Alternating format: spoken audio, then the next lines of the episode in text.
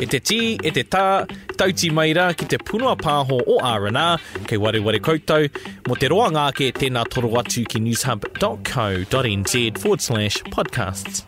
Kia ora tātou, welcome. This is the R&R podcast. Don't forget you can check out newshub.co.nz forward slash podcasts for more. Kia aku rauranga tira mā, huri no i te motu nau mai, rarau mai ki R&R, ko mau ko Kaylee tēnei e mihi atu kia koutou. Kia ora, Ero. Well, today our kaupapa and our kōrero is about data privacy. Now, Ero, you've signed up on Facebook and social media, Tinder. Oh, e hare i a Tinder engari ko ngā mea katoa ai pono marika. I'm definitely an active app user, so Facebook's prevalent in my uh, household, on my phone, on all my devices. I'm going on um, many apps, you know, What playing about- games. What about the old value cards? Swipe and get the old points? Oh, you know what, ko te painga o e rā, ke itia ki te, te utu o te penihini, ngā kai. So, you know, the beauty about those is you get discounts on fuel, you get, you know, cheaper groceries. Yeah. If you are signed up to them, of course, you know. Ah, but you've had to sign up your name and your data. Do you know where your data's going? Well, here to have that conversation and to clear all of that up for us is Kaye-Maree Dunn from aho.io. Yeah. Kia ora. Kia ora, no mai hara mai. Kia ora, tēnā koutou. And Gehan Gunasekara from the University of Auckland. Kia ora. Kia ora. Now, I just asked Edu about Facebook and social media data, signing up to all of that, including loyalty cards. What does that really mean and what are we really signing up for? Kia ora. Really good question. I think first up, um, it's in two parts. I think firstly we need to identify what is data and what does it mean and where does it go. And so, in regards to uh, organisations, particularly corporate entities that are using our, our identity or our data and our information, uh, do we consent to that? That's my first response. And then, secondly, who profits from that information? And at this point, individuals and citizens do not directly benefit from the significant amount of money that these organisations receive um, and also utilise to benefit their own corporate interests. So, for whānau, it's really important to understand that your data, your information is a taonga, and it's really important to ask really good questions around what are you using my information for, who's benefiting from it, and actually how can I also start to secure an interest in that data as well. That's, uh, I think you make a very good point there about who is uh, benefiting from this data, uh, whose interests are being served. But I think a related question is we shouldn't just focus on New Zealand. I think the issue here is most of our, a lot of our data nowadays is collected offshore. And you have the Googles, the Facebooks, the big companies that are, and even if you just do online purchases from overseas, uh, a lot of that information goes out of New Zealand. So the real question is we have to be wondering who is ultimately going to be benefiting from our data. Can I get my data back? You can ask for it, but it doesn't necessarily mean you're going to get it in a really beautiful form. And I think actually um, many of those interests will make it very difficult for you to ask for your information or give it to you in a way that you can't really make sense of it. So, okay, hey, whakamārama i au kōrero just to get a bit of an understanding on it. So, uh, I guess if there were comparisons, mena he taurititanga, we're kind of looking at um, our data and say whenever you upload a pic, once it's online, that's it forever? Or is there an, is there an opportunity he whāinga pia uh, kia whakahokia e rā momo? Uh, so is there an opportunity to, to get that data back and for it to be forever gone? Or is it a case of once it's online, that's it? Sorry, bro. Every time it's up there, it's there. Um, and even if you delete, um, and so based on feedback that I've received, that even Facebook, even if you delete your information, um, whether or not you've sent it personally via Messenger or even on the platform, it's still actually being retained. They've already on sold your data and information to other groups. Um, and what are they doing with that information? We just don't know. No, I think it's it, it's one of those things we have to be quite practical about it because you know you can't say I don't want anyone ever again to find that out because we know once it's out of the bag, it's out of the bag. But I think there is a there is a move to say, sure, we can't stop people um, using it, but we can control certain types of facts and certain types of information that you know perhaps like young people what they do before they, they become 18. Uh, California now has a law to say all of that information can be just wiped. And if anyone tries to use it after that, doesn't mean that it doesn't exist. It might still be there, but you just can't use it. So Gihan, um, i rongo kōrero, kōrero au, um, i mātakitaki rānei au etahi o ngā uh, pakipu me ka ngā kiriata rānei. So um, just from what I've heard. Um, and also what I've um, watched on um, certain documentaries as well. Uh, a lot of um, particular companies are doing research around um, and studying your habits and stuff, studying your fears in, in order to manipulate. How, how true is that sentiment? He pono, he tika? That is the most sinister aspect, and there's been books written about this. We're living in a new type of uh, society now. It's called the Fourth Industrial Revolution. So we're now living in a surveillance capitalism uh, society where these companies can surveil us. And so the question then becomes behavior modification. Can these companies try and nudge us or manipulate us to behave in certain ways, to shop at certain places? That's the more innocent type of thing. But it might also be more sinister to be able to push us towards basically hanging out with certain types of people or not hanging out with other types of people. And when you do that, you're essentially, and this is what Facebook and other companies did with electoral advertising mm. to try and get people to vote, get people to not vote. Now, those kinds of dangers, that's where I see the dangers are, because that is a really big brother kind of coming in. Well, so one of the kaupapas here in Aotearoa, though, is that our Privacy Act here in Aotearoa is a bit outdated. I think there's two parts to that. Um, I think one, we don't really understand how to apply the principles of the Act. So there are principles of the Privacy Act that, and if I think about Māori communities and tribes that handle um, quite a lot of data on behalf of their um, beneficial owners, um, how do they apply the use of it? So a practical example is if a tribe is collecting my information through their tribal register, um, then do they have the ability to be able to send or share that information with my marae or my hapu? Right? So ideally, you'd say they'd say no because under the Privacy Act we can't do that. But in actuality, when you think about the principles of the Privacy Act, which enables groups, if the intent is about, if the intent is correct, um, there could be an assumed consent that actually the individual would give somebody the right to share information if there is. Uh, a collective benefit or an individual benefit. But the second part, and maybe Gehan might be in a better position to talk about it, is is the Privacy Act actually cognizant of the significant shifts and changes in technology? Because our information and our data now and all the systems around it means that are we keeping in pace with change? And also, are we cognizant of um, what is the tribal or Indigenous or um, kaupapa Māori view around um, privacy, individual privacy versus collective privacy? Uh, if I can just deal quickly with the Indigenous issue first, and I think we're very backward in New Zealand. We haven't really uh, looked into this. Uh, Canada is ahead of us in that respect. The Canadian federal government, uh, in its privacy law, allows Indigenous uh, groups and entities to be treated somewhat differently when it comes to collective information about the group as opposed to just the individual. Um, that's something that our, our Privacy Act do, doesn't yet recognize, and I think that's something we need to work on in New Zealand. Now, Aotearoa, I think that's something definitely people need to, to look at. But uh, moving to the other area, which I'm more um, cognizant of, the, the technology aspect.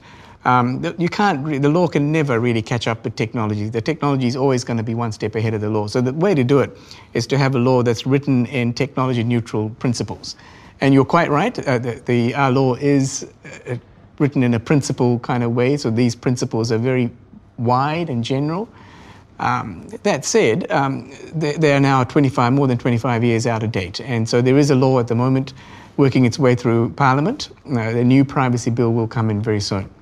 What are some of the kaupapa in that privacy law that is going to change? What are some of that? Uh, the biggest one is that our Privacy Act now will apply to any any entity that's doing business in New Zealand, whether it's any overseas company, anyone who's targeting New Zealanders, and our personal data will have to comply with our law. So it'll make it very clear.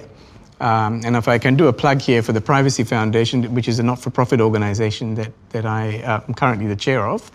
Um, we launched two years ago, and we want to encourage people to get in behind us to support data privacy. Uh, we did it, we were very keen on data on that right being in the Privacy Act, and I'm happy to say the government has accepted our submissions, cool. and so so there is now a clause in the Privacy Bill specifically targeted at businesses that do business here from overseas. Just wanted to add to that because um, recently I saw. Um, a gentleman from in cybersecurity who got up at a recent privacy hui, and his challenge was that um, there's also an inherent treaty right in regards to information and data, and therefore, if there are any breaches of data that um, may or may not impact Māori citizens, then that could then uh, enable a, a, treaty right or a treaty conversation around data, and actually any data breach may need to be brought to the attention of Māoridom um, and what impact that might have. And I thought that was quite interesting, mm. and it lends itself to the individual versus the collective, and what are the particular rights that are associated with both. He oka te whakaro, um, uh, kia, kia tahuri ki tētahi mea atu, um, ko ngā pōtitanga, so looking at elections, for example, or and enrolling yeah. all your personal information te katoa kei roto, kei roto i taua momo. Um, and, you know, it's not necessarily online. Some people have the option of doing it, but what happens to that particular data? Well, hopefully, one hopes that at the moment that kind of data is well protected and the government is not going to sort of share that with, with people. Uh, after all, it is meant to be a secret ballot, and, and how you, how you vote and, and who, which party you belong to, uh, unless you choose to make that known, it shouldn't really be a matter for public record. Uh, and that's what privacy ultimately is about: your freedom to choose for yourself how you live, you know, who you, who you uh, who you have uh, dealings with.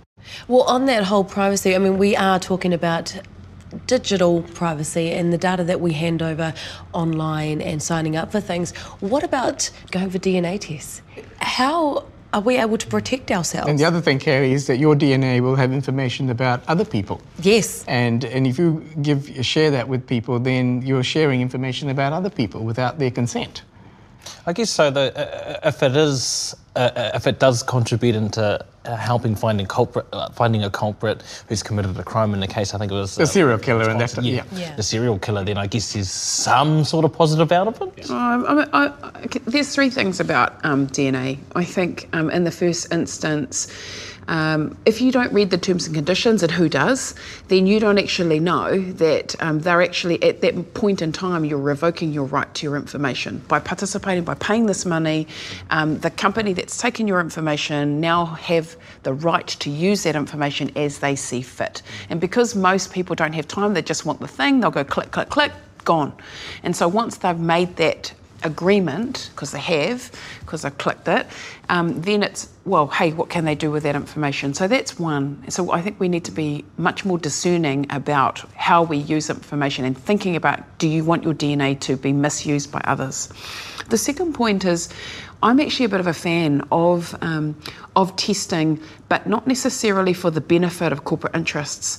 Um, there have been many great examples, um, even here in Aotearoa, where whānau have undertaken genetic testing mm. to identify illnesses within their family lines. And because we're working in the area of developing a repository for whakapapa, I think, and, and I don't know how comfortable um, Māoridom and whānau are with this, but if I had 100% um, knowledge that anybody, if, if we were able to collect our own DNA information to benefit our family decision making, because we would identify amongst ourselves illnesses or sicknesses that came through our lines um, genetic abnormalities, um, but also um, current illnesses. So, how do we know across all of our whānau how many's got diabetes, mm. cancer? Mm. How do we actually start to plan for the future? So, so we have to have a wider discussion as um, as communities around what does this DNA testing mean, um, and could we see the benefits? And I do know that um, there are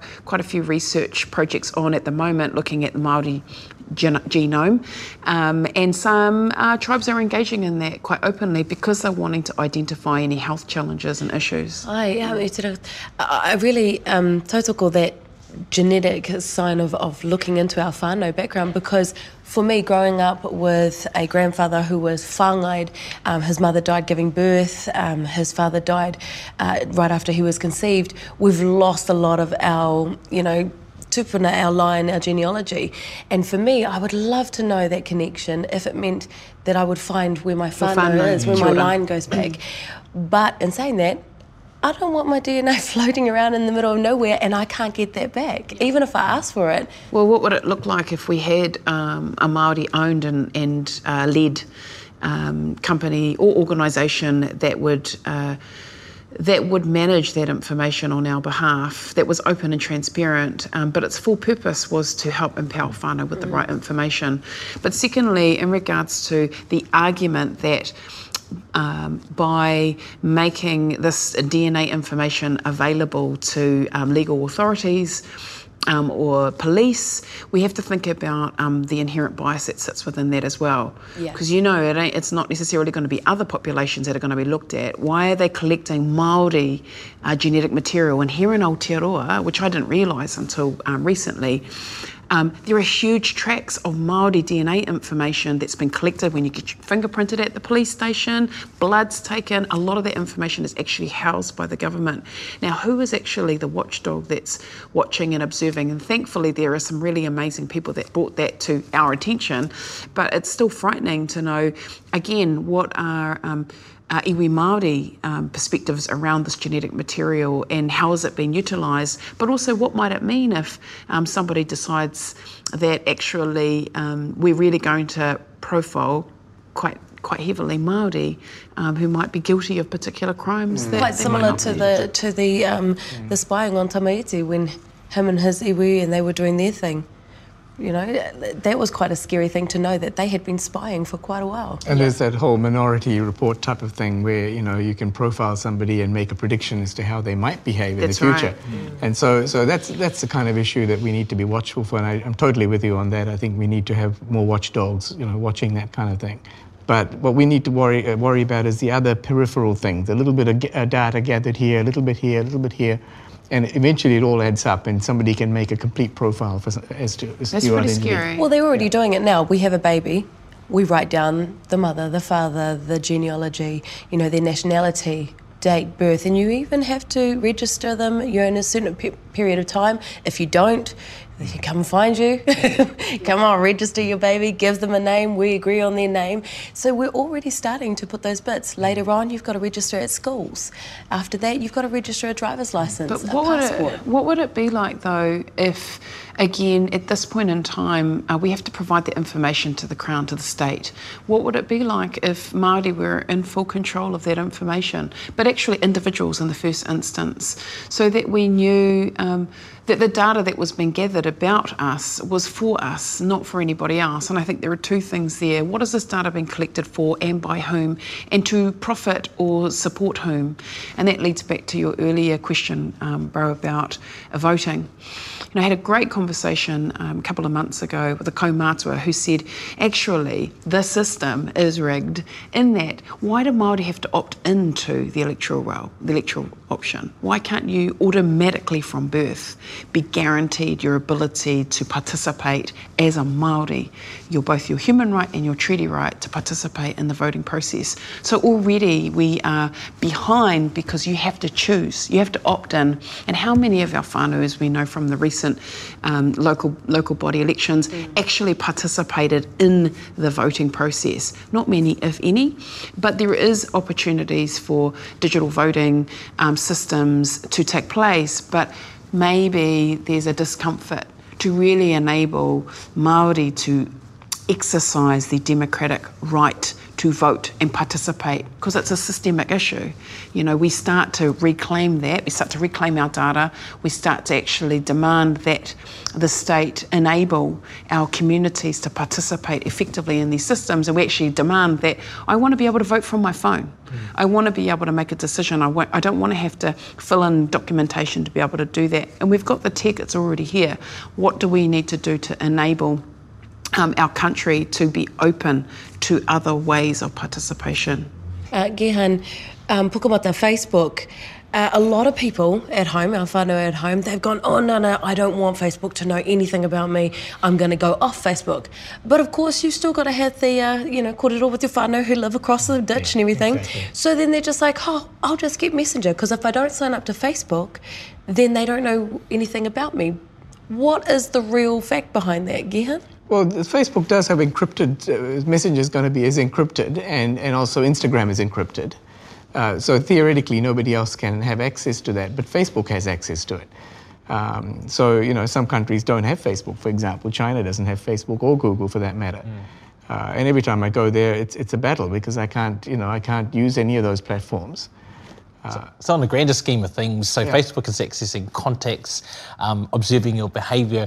Does it perhaps observe certain sites that you visit? And i- is a simple clearing your history just not enough and don't cut it anymore? Well, it recently came to light that, that, that in fact they were doing that, and so so this is this is the, the, the issue that uh, what they want to encourage you to do is to basically stay logged in all the time.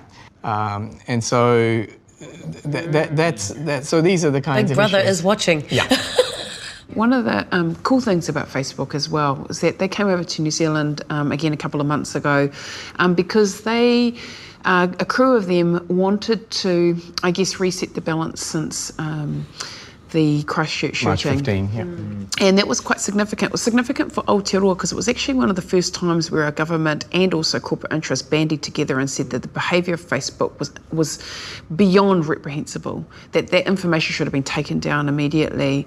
Um, but what they also um, identified um, was that individuals were very um, crafty in the live feed, you know, Facebook would try and take it down, but, But they would do slightly edit things. it and they would it- edit it. They would remove faces. They would um, they would find ways to get that information out.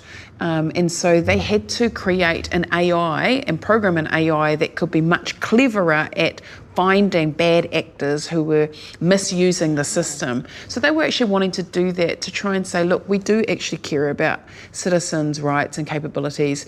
And so it's kind of hard because, again, when you think about the the fourth estate, which is media, um, the way that we engage and connect with media now has changed quite significantly. I now get my news on Facebook or where- wherever else through my friends.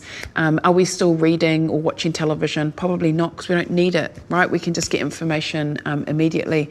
And so that means that these social media platforms are becoming your, our primary um, engagement points for data and information.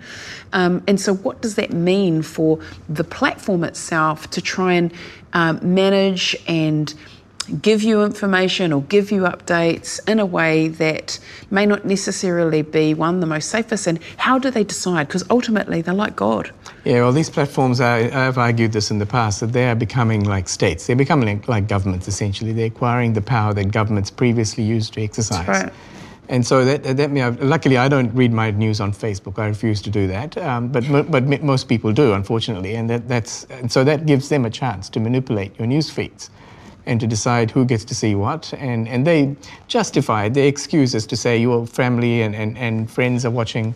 Uh, these are the things, your stories that are interesting your group, your friends. So we'll, we'll show you the same thing. But then we get into this echo chamber where we're all watching the same, you know, everyone in your particular group. Um, and, and is that really what we want as a society for people to be um, not exposed to views that aren't sort of, you know, and this is how, this is how we, yeah, this is how we end up with, with the Trumps and, and uh, the Boris it's hard, Johnsons though. and so on. I, I think the difficult the, the difficulty here is that individuals want the ability to be able to tell their story, and I think that's the wonder of social media.